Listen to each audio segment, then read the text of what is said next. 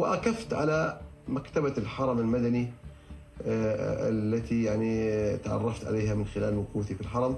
وعلى مكتبة الجامعة الإسلامية وكانت تكثر فيها المخطوطات كنت أتردد بين المكتبتين. وأول ما رأيت كتاب الدرر السنية آه، لعلماء نجد وجدته بنسخة وطبعة قديمة في مكتبة الحرم المدني فلفت انتباهي وبدأت أطالعه.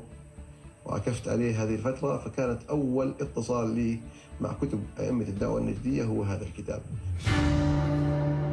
تجد نفسك ترتقي في المراحل التنظيمية وتذهب رحلات وتفاجأ بأشخاص لا تعرفهم. كنا نرى مرات محمد سرور في بعض الرحلات نرى آه، شخص اسمه الآن الدكتور سامي الدلال في بعض الرحلات. كلهم هو من رؤوس جماعة محمد سرور. تراه قدرا هكذا كيف رتب لهذه الرحلة؟ نأتي معنا خيام ننصبها ونتعاون وناس تطبخ وناس كذا. وبعدين نمشي في برنامج وضع لنا لعب بالصباح سباحة بالعصر الظهر في درس يدرسوا هذا الشاب ثم نفاجأ بهذا الرجل اللي هو بعد ذلك عرفنا أنه اسمه أبو عصام وبعد ذلك وبعد ذلك عرفنا أنه محمد سرور. لا لا كان أحد الاخوه كان في أحد الأخوان آه، أردني وكان في بشاور اسمه أبو الوليد كان يتواصل معي يتصل عليه تعرفت اللي أعطاني رقمه أبو محمد. فكان لما أريد أتكلم مع أبو محمد آه، يكون موجود في بيته.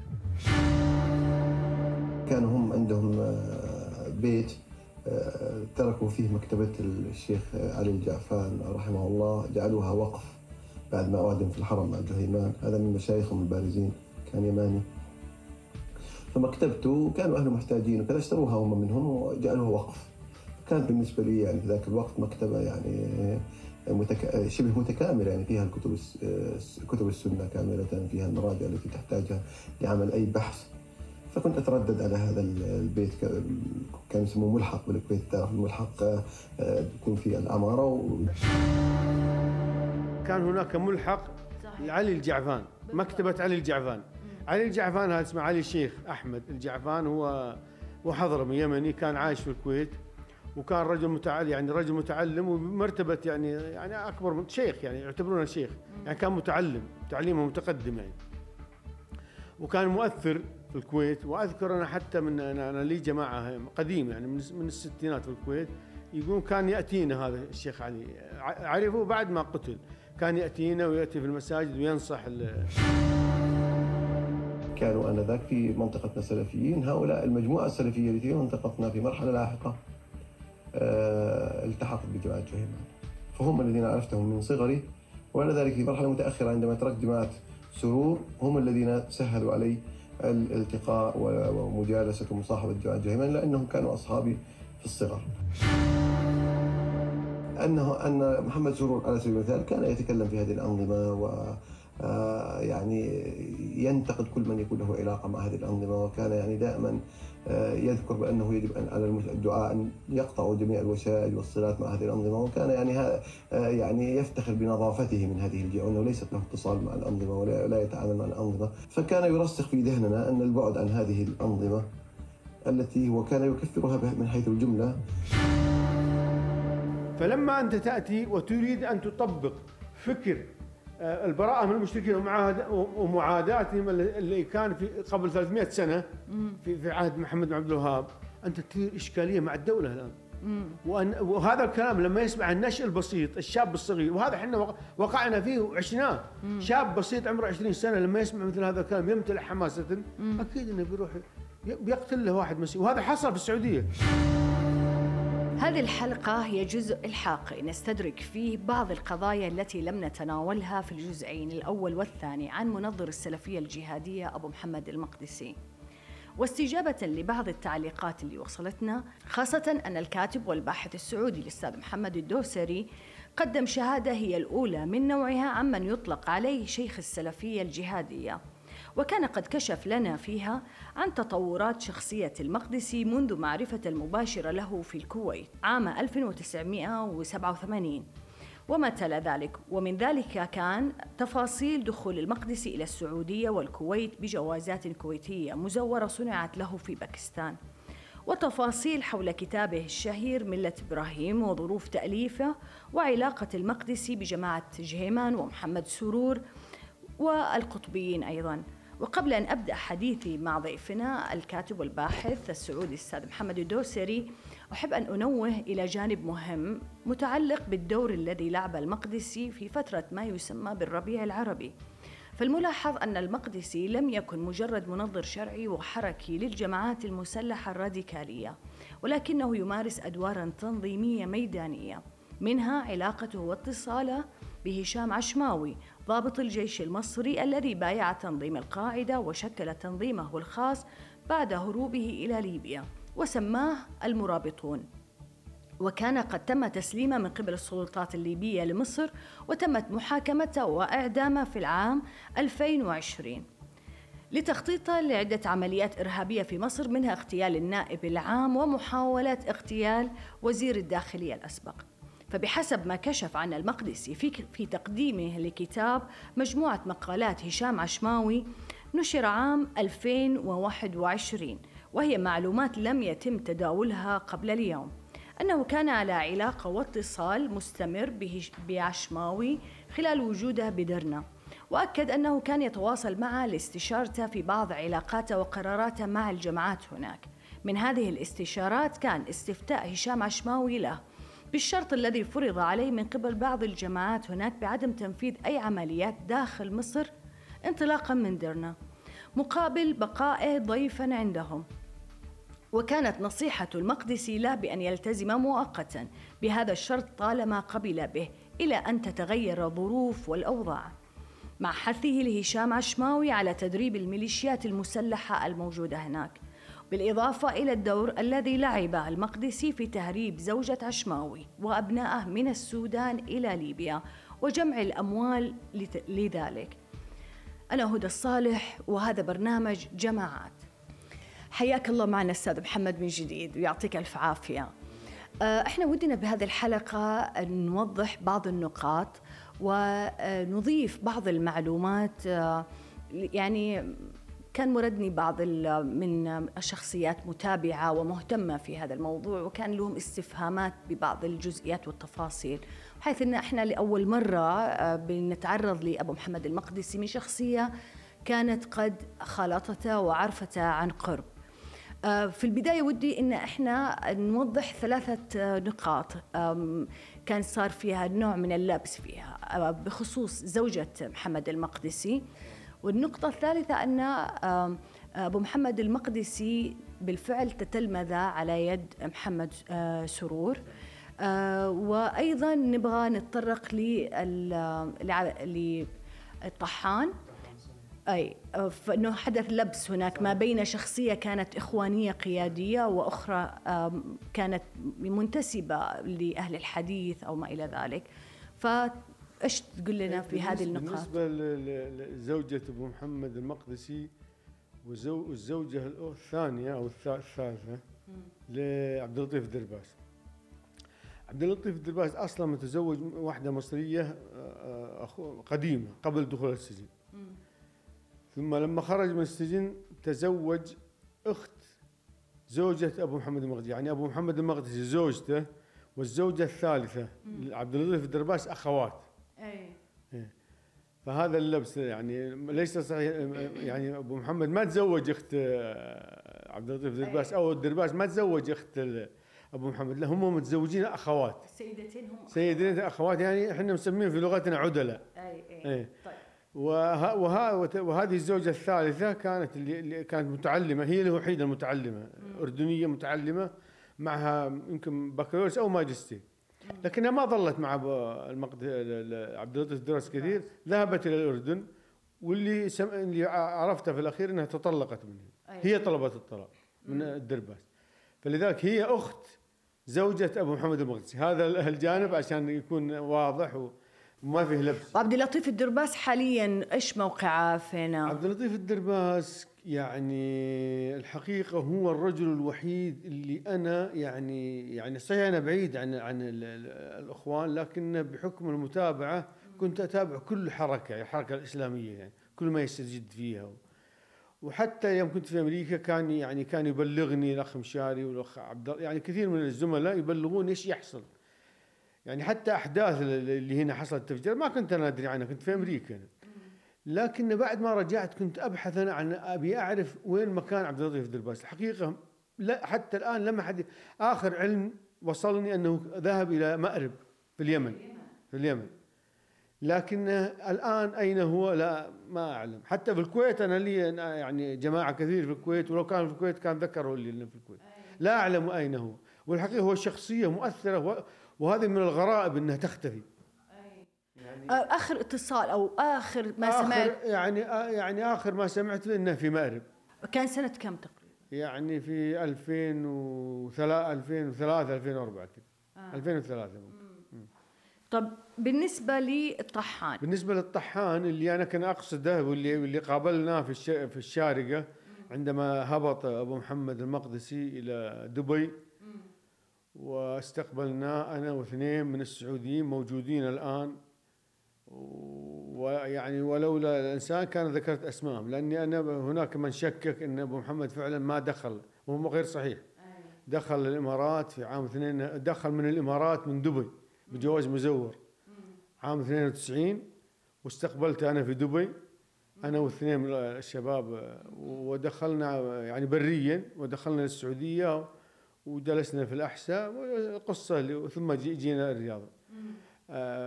في خلال وجودنا في دبي جلسنا يوم يمكن وليله ذهبنا هو هو كان قاصد يزور. عبد الرحيم ما كنا هو هو أبو محمد المقدسي يقول أنا أبغى أزور عبد الرحيم الطحان. أي. فجلسنا عنده وصلينا نمنا في المسجد حقه وصلينا وقابلناه بعد الفجر. عبد الرحيم الطحان اللي اقصده عبد الرحيم الطحان هذا كان كان موجودا في في أبها يدرس في الجامعة. لكن حصل له إشكالية مع مدير الجامعة ثم تم تم ترحيله من السعودية نعم. أي. في التسعينات تم ترحيله طيب قبل ما آه، أسألك عن ليس هو المقصود بصاحب مصطلح الحديث محمود الطحان لا. يمكن أنا أخطأت في الأسماء وكذا. وفي واحد ثاني مصطفى إيه؟ محمد الطحان وهذا قيادي في, جماعة, جماعة الإخوان المسلمين. كان له نشاط في سوريا ولبنان. إيه ليس مقصودا. المقصود يعني ثلاثة هي إيه؟ شخصيات فاعلة صحيح. كانت من أسرة الطحان. مع عبد الرحيم الطحان هو اللي كان فاعل في السعودية خاصة. مم. أيام الصحوة الإسلامية. في الثمانينات كان لا كان إيش كان كانت المنهجية حقته؟ هل هو أهل الحديث؟ هل هو يعني هو سلفية جهادية؟ هو ينتسب لأهل الحديث عبد الرحيم الطحان و, و ويغلب عليه التشدد والزهد والورع التشدد يعني ممكن تصنفيه بتشدد آه، الإخوان في بريدة متشدد جدا يعني ورجل زاهد في الدنيا. هذه حقيقة. يعني قريب من فكر آه، جماعة الجهيمان لا لا ليس قريبا لا لا هو قريب من يعني هو يعني فكره أكاديمي لأنه هو أكاديمي لكنه يعني منهجيته في في في طرح المسائل منهجية أهل الحديث لكنه في تشدد في في, في تشدد وتصلب في المسائل الفقهية التي كانت موجودة في آنذاك في, في, في الثمانينات. وهي موجودة. كانت كانت هذه الصورة موجودة في الصحوة الإسلامية جميعا. هناك تشدد وطرحوه على المجتمع. وكان المجتمع يعني صوره صورة متشدد.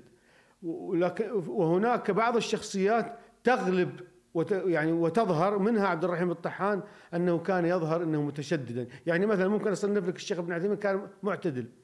الشيخ بن باز كان معتدل لكن عبد الرحيم الطحان كان يتخطاهم في بعض الأشياء في يعني في في في, في الزهد وتحريم الأشياء، فكان فكان هذا يعني لا لا يمكن تصنيف إخواني ولكنه هو من خلال اللي استمع له كثير في شروحاته يعني هو يتبع الحديث ويزعم إنه من أهل الحديث. أي.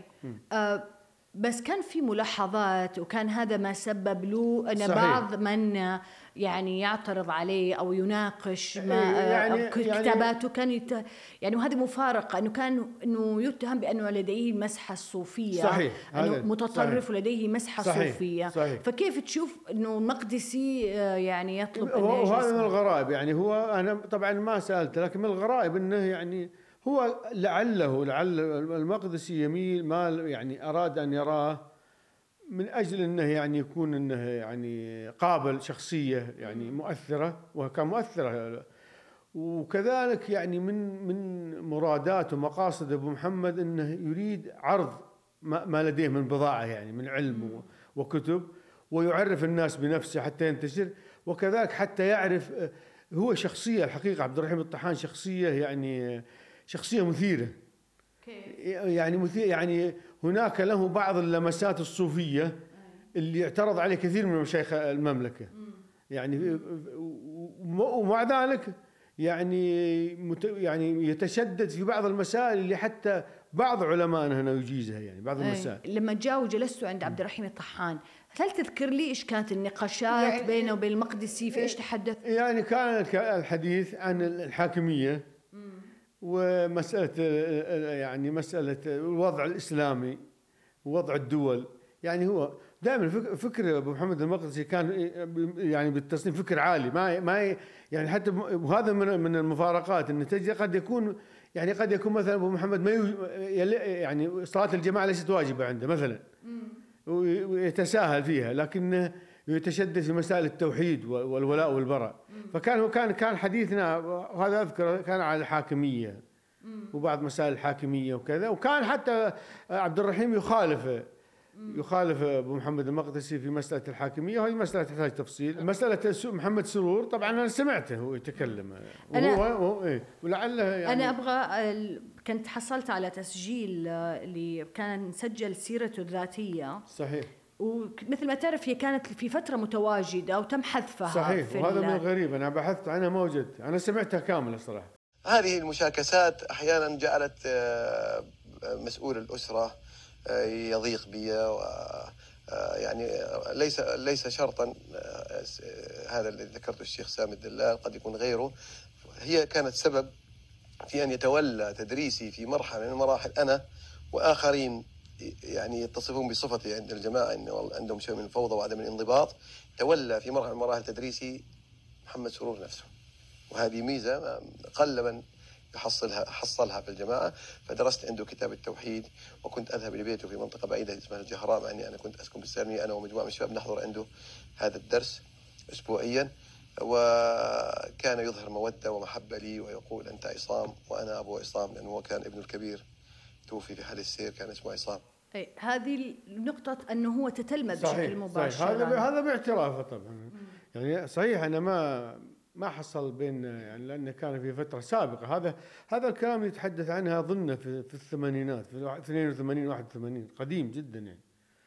يعني إن لم يكن في ال 79 لأنه لأنه هو خرج بدري خرج مبكرا محمد سرور. وفي نقطة كمان كان ذكرها المقدسي بأنه آه، كان على احتكاك بعناصر جماعة الجهيمان أيوة. قبل حادثة الحرم. يعني آه، لما كان شاب في في الكويت وكان عنده معرفة كان يسميهم الشباب السلفيين. فكان محتك فيهم. لما عاد من العراق آه، بعد حادثة الحرم واختلافه مع السروريين مع محمد سرور وفصلة يقول إنه هو هنا قرر أن انضم بشكل رسمي إيه هو كان هو أنا اللي سمعته نفس كلام كلامك صحيح لكن كان شيء في الكويت يسمون شيء اسمه ملحق. الملحق يعني البيت يكون صاحب البيت يقتطع جزء من البيت يسوي غرفتين ثلاث يسمونه ملحق ويأجرونه.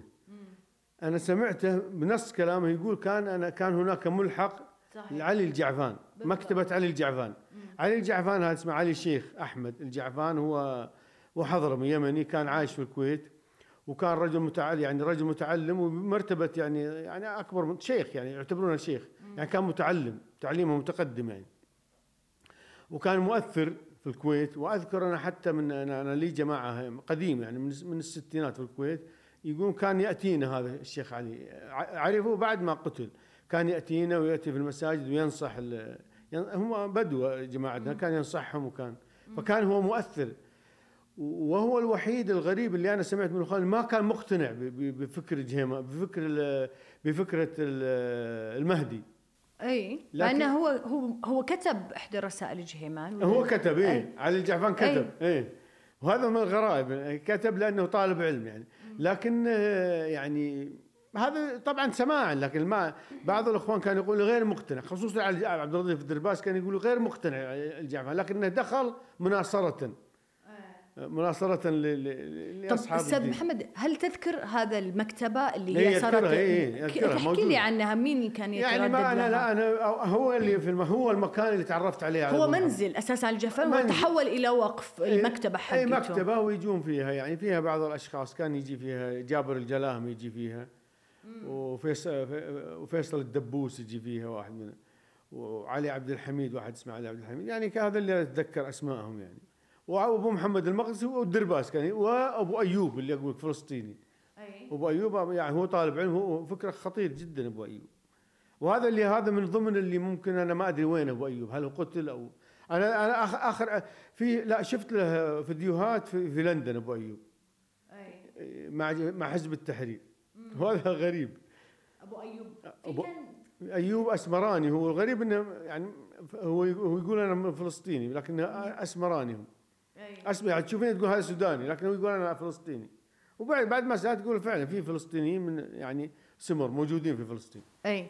طيب آه كان في نقطة بدي أسألك فيها. بالنسبة لمقدسي يوم جاء للإمارات هل هو تواصل معك مباشرة؟ يعني أم كان في وسيط؟ لا لا كان أحد الاخوه كان في أحد الأخوان آه، أردني وكان في بشاور اسمه أبو الوليد. كان يتواصل معي يتصل عليه تعرفت اللي أعطاني رقمه أبو محمد. فكان لما أريد أتكلم مع أبو محمد آه، يكون موجود في بيته. لكن انقطعت أخبار يعني انقطعت ذيك الأيام يعني ما أدري حتى الآن ما أدري إيش حص- صار عليه من هو أبو الوليد. حتى ما رأيت أنا كنت أتكلم معه تلفونيا اسمه أبو الوليد. فلسطيني من كلامه هو يعني أردني.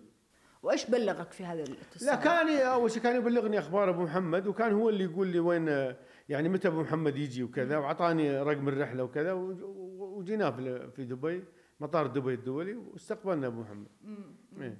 طب أستاذ بسألك هذه الفترة اللي اللي عرفت فيها أبو محمد المقدسي. من فين كان يعني يعتاش مر يعني مصدر رزقه من فين هذه ما والله ما عندي خبر عنده ما عندي علم صراحة ما أدري يعني هذا ما فكرت هو فيه. يتنقل ويذهب صح. ويسافر وتذاكر طيران ويأتي فمن أين لا يعني من والله هذا يعني آه، حقيقة أنا كنت أتمنى إني أعرفه ما أول شيء حياة ما كنا نسأل يعني.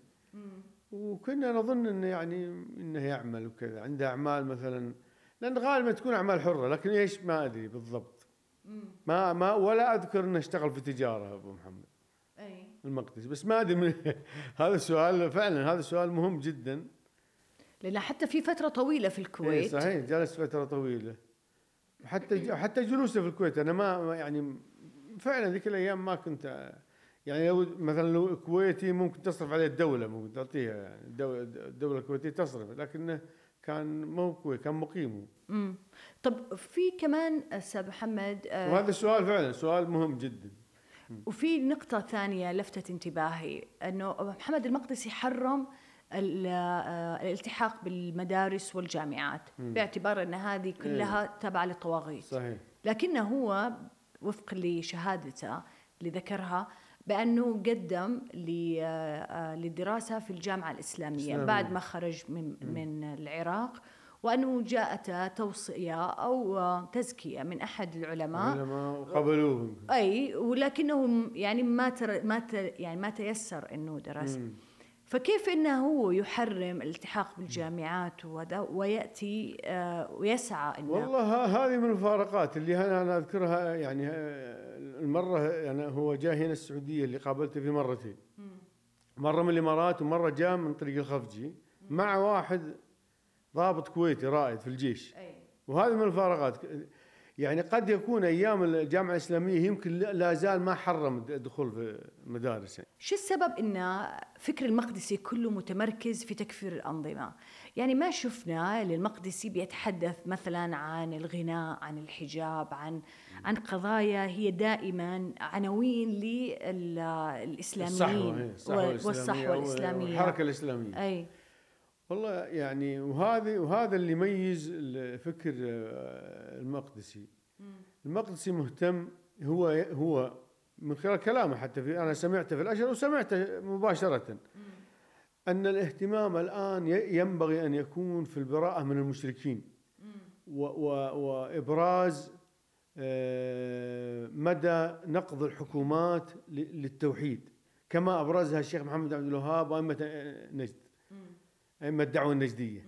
أن كانوا يركزون على الكفر بالطاغوت والموالاة المشركين والبراءة من المشركين ومعاداتهم. وهذا دائما ودائما يكررها. سمعته كذا مرة. حتى إني أنا سمعت اليوم شريط هو كان يقول يعني اختبرنا إحدى المشايخ وأنا اظنه كان يقصد آه، شاهر بن هدبه اللي كان مع مع الملك عبد العزيز سأل يقول سأل الموجودين يقصد مين؟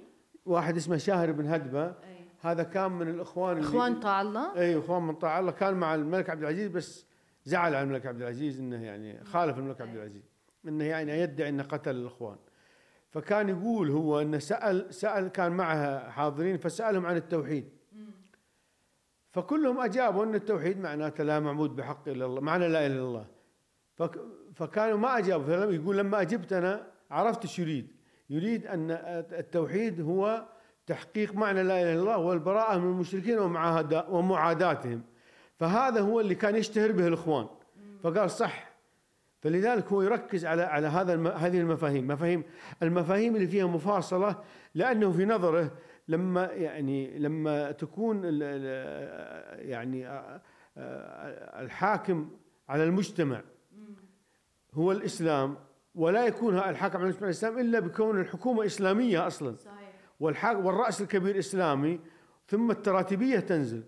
أما كون يعني كونك تشغل نفسك بالأغاني أو بمسائل فرعية هذه مسائل صحيح إنها من الدين لكنها لا تحقق معنى التوحيد في البراءة من المشركين وتحقيق معنى لا إله إلا الله اللي يريده أبو محمد واللي يستمده من كتب أئمة الدعوة معاداة المشركين والبراءة منهم وإظهار البراءة.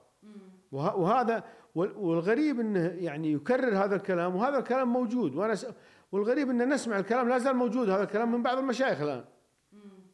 وهذه وهذه الإشكالية هذا اللي أنا اللي كنت أنا أقول أنه لا زال هذا الفكر ما حور ما يعني ما ما, ما تمت معالجته معالجة فكرة الولاء والبراء. اي اي فكرة الولاء والبراء فكرة البراءة من المشركين فكرة يعني يعني حتى وصلنا الآن إلى فكرة يعني هناك اسمح لي أستاذ. هناك في خطاب يجمع ما بين فكرة الولاء والبراء وما بين طاعة ولي الأمر. وهذا هذه كيف تشوفها؟ هذه من الغرائب هذه.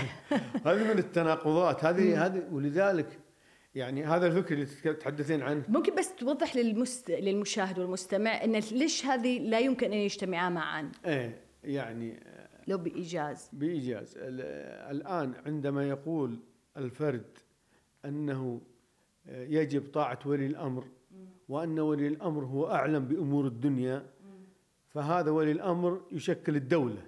والدول الآن اختلف اختلفت العصور. وهذا ولي الأمر الذي أنت يعني تدعي أن, أن هناك له طاعة له علاقات بدول هي من أصول مسيحية ومن أصول يهودية ومن أصول لا دينية فيجب وعندما هذا جانب.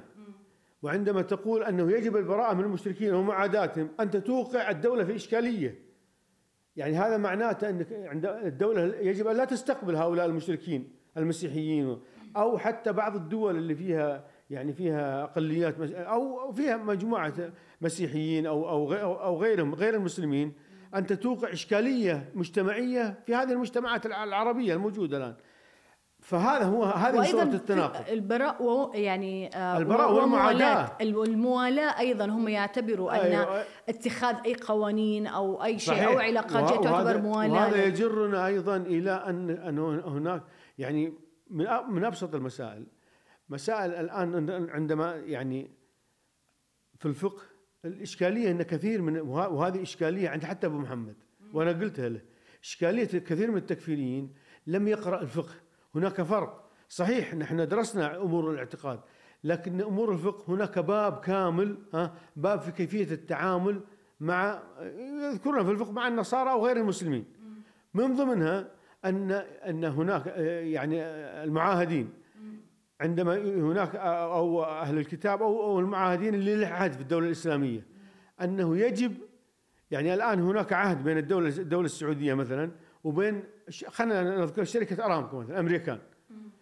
فعندما وضعت شركة أرامكو بعض الكامبودات أو بعض المساكن الخاصة فيهم كان يجب يجب على الدولة فقها يجب على الدولة أن توفر لهم حتى الخمور. وحتى لحم الخنزير توفر لأنك أنت جبته وعاهدته. وهذا الرجل حلال عنده اكل أكل الخنزير وشرب الخمور أو أو شرب الواين مثلا. فأنت يجب عليك أن توفر لهم هذا فقها موجود. وقال به كثير من الفقهاء يقول به يجب أن توفر لذوي العهد من غير المسلمين كما لأنك أنت أتيت به. فلما أنت تأتي وتريد أن تطبق فكر آه، البراءة من المشركين ومعاداتهم اللي كان في قبل 300 سنة في في عهد محمد بن عبد الوهاب أنت تثير إشكالية مع الدولة الآن. وأن وهذا الكلام لما يسمع النشء البسيط الشاب الصغير وهذا إحنا وقعنا فيه وعشناه. شاب بسيط عمره 20 سنة لما يسمع مثل هذا الكلام يمتلئ حماسة أكيد إنه بيروح بيقتل له واحد مسيحي وهذا حصل في السعودية.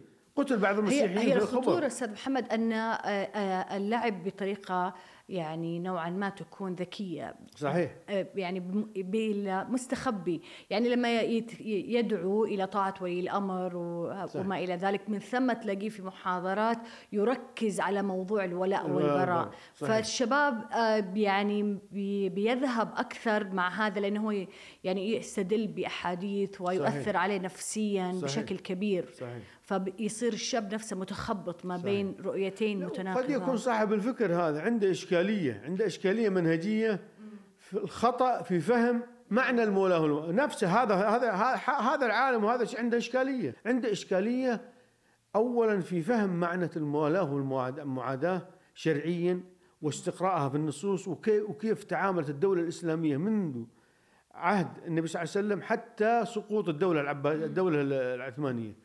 لابد أن نعرف كيف نتعامل وإلا ما, ما نستطيع أن نعيش مع الدول. في نفس الحلقة. بيسمعك أستاذ محمد مقطع لأبو محمد المقدسي آه، تحدث فيه عن المدارس التي م. آه، تأثر فيها قبل ما ينتقل خلال تواجده بالكويت قبل ما ينتقل إلى المدينة ويقترب ويصبح بشكل رسمي آه، مع بقايا جماعة الجهيمان بعد حادثة الحرم.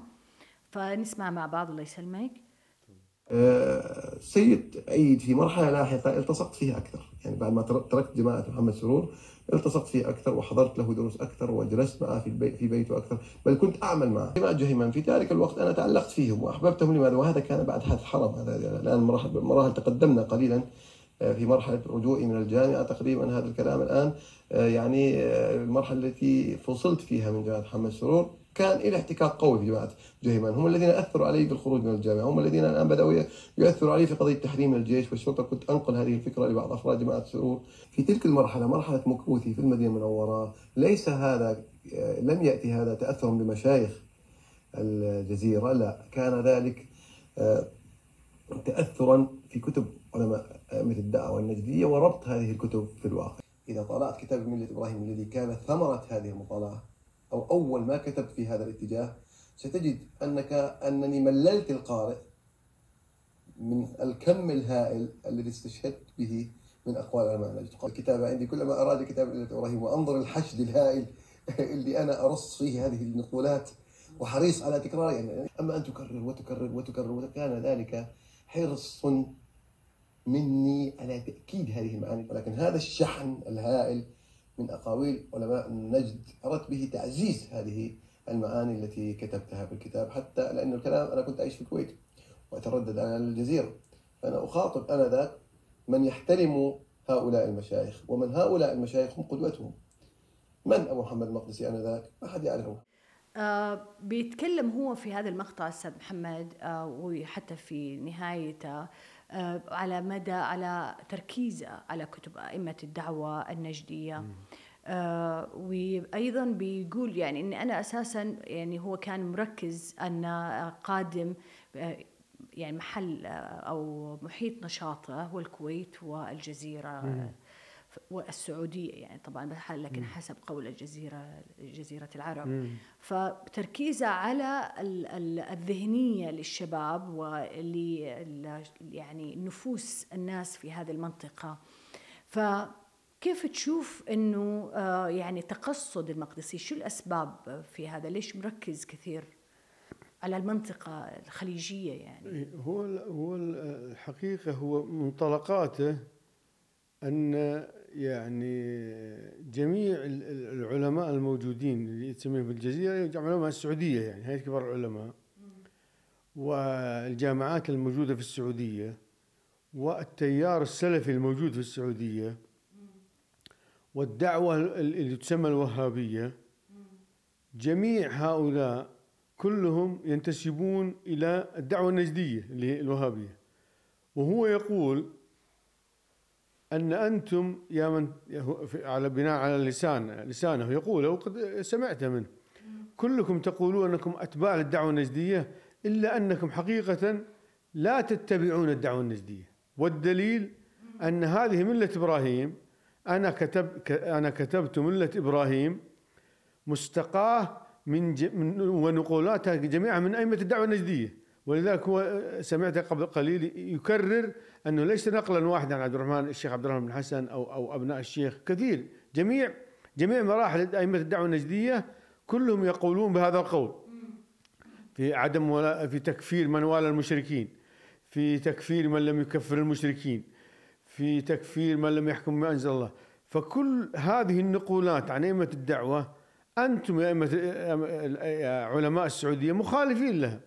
فهو يريد أن يضرب المشروعية الموجودة لدى علمائنا. البعض بيرى أستاذ محمد بأن مثلا أقوال أئمة الدعوة النجدية كانت في زمن آه، الدولة كانت تواجه يعني معركة وجودية حربا صحيح. وجودية آه، و آه، وكانت لها زمانها ولها ظروفها مثل أقوال ابن تيمية الحادة صحيح. أثناء يعني خلال غزو التتار للدول الاسلاميه في الشام ف وحينما يعني أفتى بوجوب جهاد صحيح. التتار حتى من ادعى بأنهم مسلمون صحيح. فاليوم بنلاقي البعض بيشوف أن هناك توظيف لهذه الأقوال استلهاما يعني أو إيقاعها وإسقاطها في الحاضر رغم أنها كانت في زمان مختلف تماما واستحضارها اليوم لخدمة أو تثبيت قناعات لدى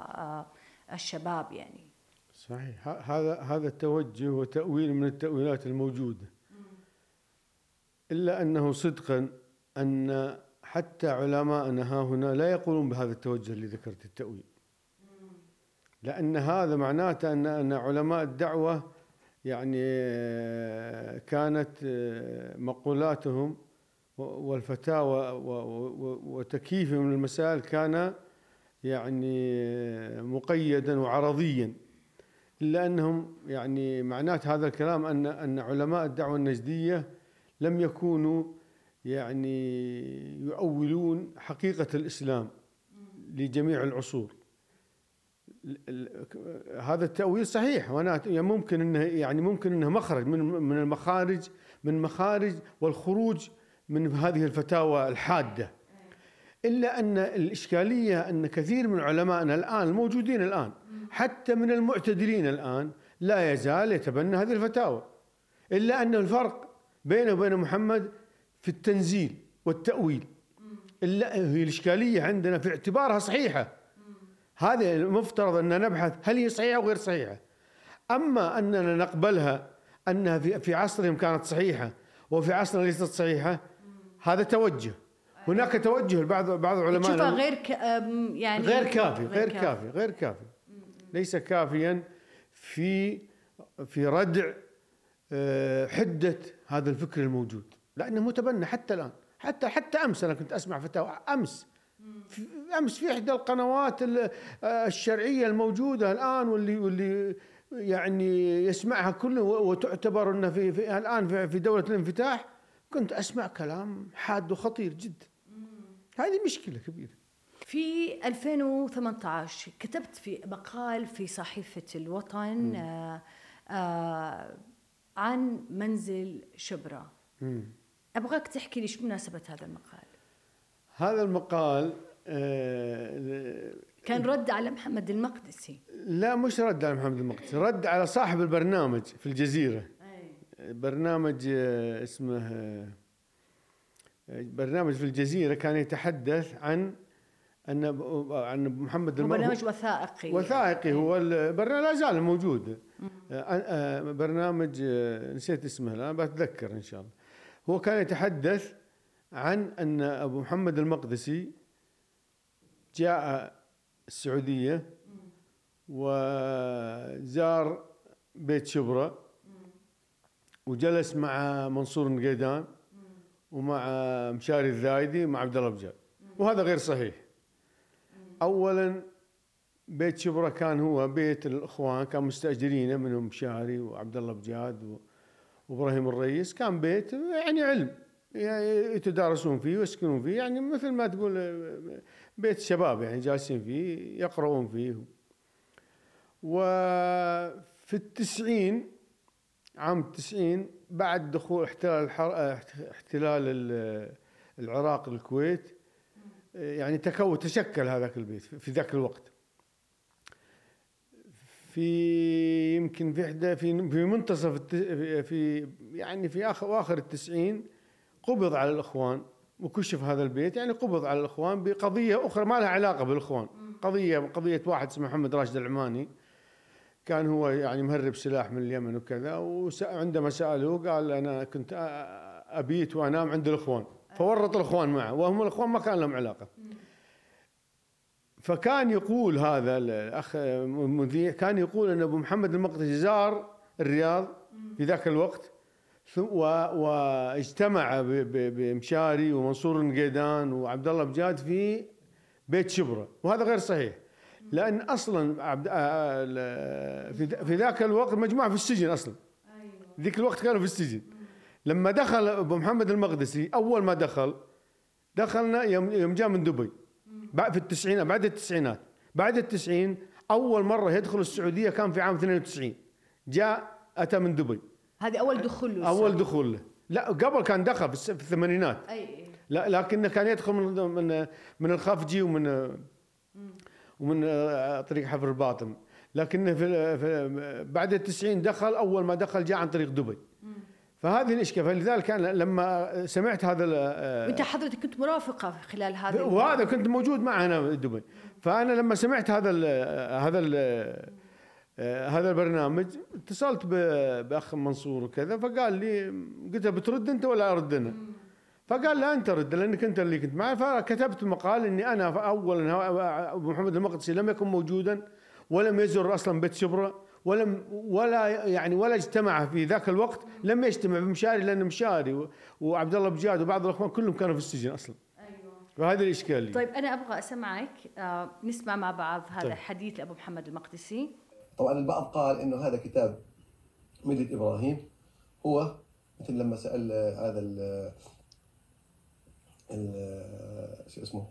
اللي يحضر اللي يحضر رسالة الدكتوراه عني اسمه بسمي حاله بالعربي عطية الله أبو داود عطية الله الهولندي. هذا باحث هولندي يعمل رسالة دكتوراه عني اسمه يواص بالاسم الهولندي قال لي انه هو سال عن كتاب من إبراهيم بعض الناس السعوديين وغيرهم سال عن عن اثري أنا في الجزيره فقال لهم البعض ذكر منهم مشاري الذايدي هذا عدو يكتب عني دائما يسميني شيخ الارهاب قال ان عقيده الولاء والبراء كانت نائمه فجاء هذا الرجل يعنيني أنا أنقل عن هذا الباحث الهولندي يقول فجاء هذا الرجل وهز هزة عنيفا هو هكذا يؤشر هذا الهولندي. يقول جاء هذا الرجل يعنيني وجاء فهزها هزا يعني أيقظها.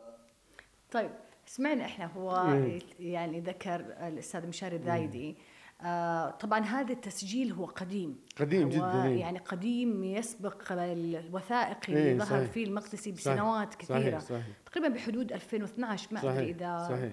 تتفق معي. ف شو السبب أن يعني هو وصف ذايدي بأنها بانه عدوة؟ آه، يعني عدو المقدسي يعني كتب عن لا لأن وليش ليه ليش يعني بالذات لما جاء وتكلم عن هذه المجموعة آه، إنه منزل شبرا ليه حاول إنه المقدسي يربط نفسه بهم؟ وأنا تواصلت مع المجموعة وذكروا وأكدوا إنهم مثل ما قال لك الأستاذ منصور إنه ما لهم أي علاقة فيه ولا أي اتصال نعم. لم يلتقوا فيه نهائيا يعني ما اما أما حديث عن مشاري لأن شوف فيه أشخاص يعني وللاسف يعني أشخاص يعني كانوا لهم الخبرة الحقيقية في التيار خاصة تيار وفكر أبو محمد المقدسي. منهم مشاري الذادي أستاذ مشاري الذادي وهو مفكر كبير الحقيقة هو يعني محقق في هذه المسائل. أن مشاري الذادي لأنه كشف فكر أبو محمد المقدسي بحكم كتابته في الشرق الأوسط وبرنامجه الموجود في العربية. فلذلك يعني أنا أظن انه اذاه كثير. لأن أبو محمد المقدسي هو لا يؤذيه من يعني يحاول أن يتفق معه أو يحاول حتى حتى من السلفيين الألبانيين اللي اللي ما اللي ما اختلفوا مع اللي اختلفوا معه. لكن من كانوا معه واختلفوا معه وكشفوا فكره. المسألة ليست شخصية المسألة في الفكر. هو مشاري يعرف كيف إن المقدسي يوظف هذه الأفكار بحيث إنه يجعل الشباب يعني هذه هذه النصوص الموجهة أصلا للكفار الأصليين توجه للحكام المسلمين. وهذه إشكالية كبيرة. هذه اللي تنطلي على كثير. هذه ما انطلت على مشاري ولا عبد العبداج وعبد الله بجاد ولا على الأستاذ منصور القيدان. هذه لم تنطلي. لماذا لأنهم أصحاب فكر. إيه. وعرفوا هذا الفكر. يعني اللي يكون خاض التجربة يكون أكثر, أكثر قدرة عمقاً. على وأكثر عمق على أنه هو يعني يحاجج ويعرف صحيح. تفاصيل حتى الأبعاد النفسية صحيح. في ليش السبب. لأننا عشنا هذا الفكر وتمرسنا في في في في تفاصيله وجزئياته. فلذلك لما يتحدث مشاري أو عبد الله بجاد أو منصور القيدان يتحدثون عن شيء يرونه يعني شفاف. لكن بالنسبة للغير اللي اللي ما حتى الأخوان المسلمين حتى بعض الجماعات اللي اللي تناقش أنا رأيت كثير من الكتب تناقش تناقش المقدسي. لكن مناقشة ضحلة وسطحية. في هناك من يشوف إن مناقشة من الجماعات الإسلامية من بنفس من نفس الداخل من نفس المنزل من نفس المحيط يعني آه، مناقشة إسلامية إسلامية مم. يعني. آه، البعض يشوفها هذه مناقشة لا تفيد صحيح. شو تقول لي في هذا؟ آه، هذه وهذه صحيح. وهذه من من من من المناهج الموجودة الآن. لما أنا أريد أن أناقش فكر المقدسي لا يمكن أن يناقش فكر المقدسي حقيقة واحد من السلفيين اللي أتباع الألباني مثلا. لأنه نفس المدرسة وبحا... لابد أن يحافظ على أرضية بينهم موجودة إلا أنه يوضح بعض الاختلافات.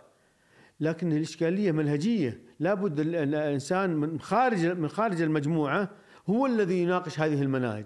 ولذلك أنا أجيب واحد إسلامي أو حتى من الإخوان المسلمين يناقش المقدسي فتبقى أرضية. ليه؟ لأن الأرضية واحدة وكل هذه المجموعات وحتى المقدسي أنا رأيت له يعني يعني حتى دفاع مستميت حتى بعد إلا بعد ما أحرقوا الرائد معاذ. بدأ ينفصل عنه وبدأ يتكلم. يريدون لأنهم عندهم فكرة يريدون حفظ هو فكرة الخلافة مهووسين بفكرة الخلافة. وهذه إشكالية. لا يزالون الجماعات الإسلامية الآن والحركة الإسلامية ليست مؤمنة حقيقة. وهذه وهذه حقيقة لابد أن نكشفها. ليسوا مؤمنين بوجود الدول؟ وأن هذه دول إقليمية وأن فكرة الخلافه انتهت. آه. ولا بد ان تتقبل يعني الفرق الحياة. بأنهم يؤجلون الخطوة. يؤجلون. آه كيف حدث الانفصال أو المفاصلة ما بينك وبين محمد المقدسي؟ حضرتك درست جامعة. إيه، هل درستها بعلمهم أم؟ لا آه، بس أنا قبل قبل تذكرت شيء ان اشار علي الأستاذ علي العميم. ذكر لي ان إن هناك من هو يتبنى يعني رأيه أن ملة إبراهيم مستمد من كتاب عبد الله النفيسي. عبد الله أيوة النفيسي بالضبط. أنا إيه. كنت هذه أبغى إيه، كتب عبد الله النفيسي كتب عندما يحكم الإسلام. أيوة. كتب في عام 1980 أنا حقيقة قرأت الكتاب والاستاذ علي أستاذ كبير وأستاذنا هو يعني رجل محقق في مقالاته آه، هو يتبنى إنه إنه أخذ المقدسي متأثر متأثر في نفيس. لأننا نعرف محمد المقدسي وانطلاقاته ومنطلقاته. ما وحتى كتيبة يمكن ما ما يتجاوز 79 صفحة. والنقولات الموجودة فيه وتركيزه على الموالاة والمعاداة والبراءة من المشركين يعني يختلف اختلاف كبير عن كتاب أنا قرأته واطلعت عليه وبطل عليه مرة أخرى. هو كتاب أكاديمي لأن النفيسي أكاديمي أصلا. وكان يركز على الأمويين وبعض الأمويين هو تركز على الخروج على الحكام. بل إن النفيسي وهذا من الغرائب النفيسي اليوم وقفت على على على عبارة إنه يخرج الحكام المسلمين من, من الإسلام يكفرهم يعني. فهو يعني مؤدلج أصلا النفيسي. لكنه أبو محمد يعني ينطلق من منطلقات تختلف من منطلقات النفيسي أنا هذا رأيي. مع مع احترامي مع إنه رأي له اعتبار وله رأي الشيخ علي. من اي ناحيه يختلف يعني يختلف ان, إن, إن أبو محمد المقدسي ينطلق من منطلقات آه، قاعدة أصولية. قاعدة أصولية يعني أصولية دينية. منهجية. منهجية من الدعوه النجديه ينطلق من, من منطلقاتهم ومن مفهومهم وكان يركز على الموالاه والمعاداة. يعني هذه النفيسي كان يركز على الدولة وكيف نشأت الدولة في ونشأت الدول في في العصور الإسلامية. يعني يخطئ يعني كتاب يعني كتاب منهجي آه، فلسفة سياسية أي يعني؟ سياسية عنده نظر رؤية سياسية. أما محمد المقدسي محمد المقدسي كان يركز تأصيل محمد المقدسي يريد ضرب مشروعية علماء الدولة السعودية. هذه هذه خلاصة ملة إبراهيم. حدثني عن الانفصال والمفاصلة مع المقدسي. لا المقدسي أنا انفصلت عن الإخوان أصلا يعني. أي. انفصلت عن الإخوان يعني كان كان الإخوان في السجن في عام 92 وكان وتغيرت يعني رأيي عن خصوصا في مسائل التكفير مثل التكفير يعني هي طويلة لكن مثلا اضربك مثال مثلا مسألة الربا التكفير بالربا وكذا. هناك كنا نقول أن البنوك الربوية هي وجودها وإيجادها في الدولة هو استحلال للربا والاستحلال هو كفر.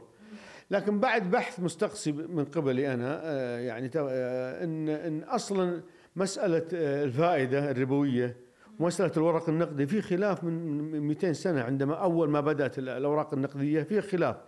فالآن حتى الآن موجود الخلاف فما دام إن هناك خلاف هذا اللي خلاني شوي أنا أمسك بريك وأرجع وخصوصا مثلا مسائل المحاكميه هناك في خلاف بين الفقهاء في فهم هل هو كفر يعني يعني أكبر أو إنه كفر دون كفر؟ فهذه المسائل هي اللي جعلتني كيف بلغ المقدسي بأنك فهم. ما أنا انفصلت وذهبت للجامعة ولا عد لم يعد بيني وبينه اتصال صراحة. ما يعني ما, ما جاك اتصال منه أبداً. مساءلة مفاهمه ابدا ابدا ما. ولا احد من الشباب اللي كانوا في لا الشباب كانوا طبعا الشباب كانوا يعني اللي لا زالوا ذاك الوقت يعني ما اتخذوا قرار الانفصال. كانوا يحاربوني. أي. كانوا يحاربوني حرب شعواء يعني. يعني كان يعني كان يعني كانت يعني كانت كانت لي مضايقات كثيرة بسبب إني تركت الإخوان لأني أنا كنت يعني كنت مثل المفتي لهم في ذاك الوقت. أيوه مفتي. إيش يعني لو تذكر لي بمثال على المضايقات اللي كانت يعني مضايقات مثلا لما كنت أحضر مثلا عند بعض الأشخاص وكذا يجون يحذرون من يحذروني من إن هذا الأخ أبو حاتم إنه كذاب ويكذب وكان يكفر الدولة وانت مع إن هؤلاء كلهم كانوا مع الدولة يعني. وهم يدرسون أصلا في الجامعة وأنه كان وانها الآن هو خشية من المباحث ومن إنه يسجن هو بدأ أنه يقول أن الدولة ليست كافرة وأنه درس في الجامعة هو أي حضرتك درست في في الولايات المتحدة صحيح. الأمريكية في صحيح. الجامعة آه قرارك الدراسة هل كان يعني خلال تواجدك معهم بغير علمهم أم بعد ما آه يعني حدثت المفاصلة لا و لا بعد ما حدثت المفاصلة رجعت الجامعة أي. بعد ما حدث رجعت لجامعة الإمام وخذت بكالوريوس بعدين رحت لأمريكا ادرس ماجستير. درست ماجستير في إيش؟ في الولايات المتحده؟ في في في في ال law school. أيوه آه. بعيد فلسطين لا أنا درست شريعة. الشريعه يعني أيوة. درست في في قانون كلية القانون في ال law school جامعة ديوك. جامعة ديوك هذه متخرج منها يعني آه، نيكسون الرئيس الأمريكي يعني من كبرى الجامعات يعني. الحمد لله هي هي مفارقة مصر من بعد الإخوان لديوك فلسطين. طيب اسمح لي أختم بهذا السؤال. تذكر لي شيء من الدردشات بينك وبين المقدسية؟ خاصة إحنا نعرف أنتم تنقلتوا بالسيارة ودخلتوا مثلا مثلا في مثلا مكة المدينة الرياض.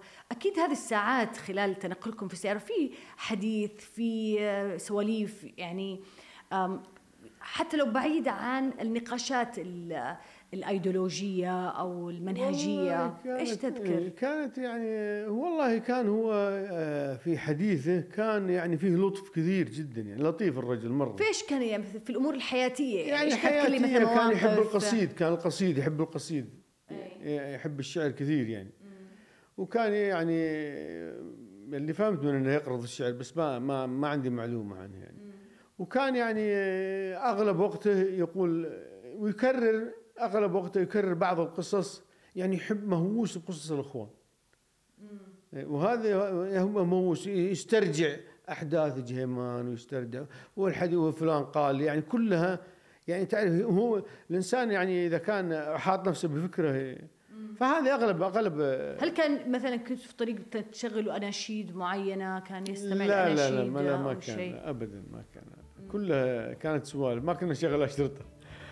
طب آه يعطيك ألف عافية أستاذ محمد. آه وسامحنا إن غلبناك معنا. هذه. ثالث مرة تشاركنا هذا الحديث. وأتمنى إن إحنا نكون آه ضوينا على تفاصيل ونقاط يعني كان طلب بعض الأشخاص توضيحها أكثر. حياك الله معنا أستاذ محمد وشكرا جزيلا. الله أنا هدى الصالح وهذا برنامج جماعات.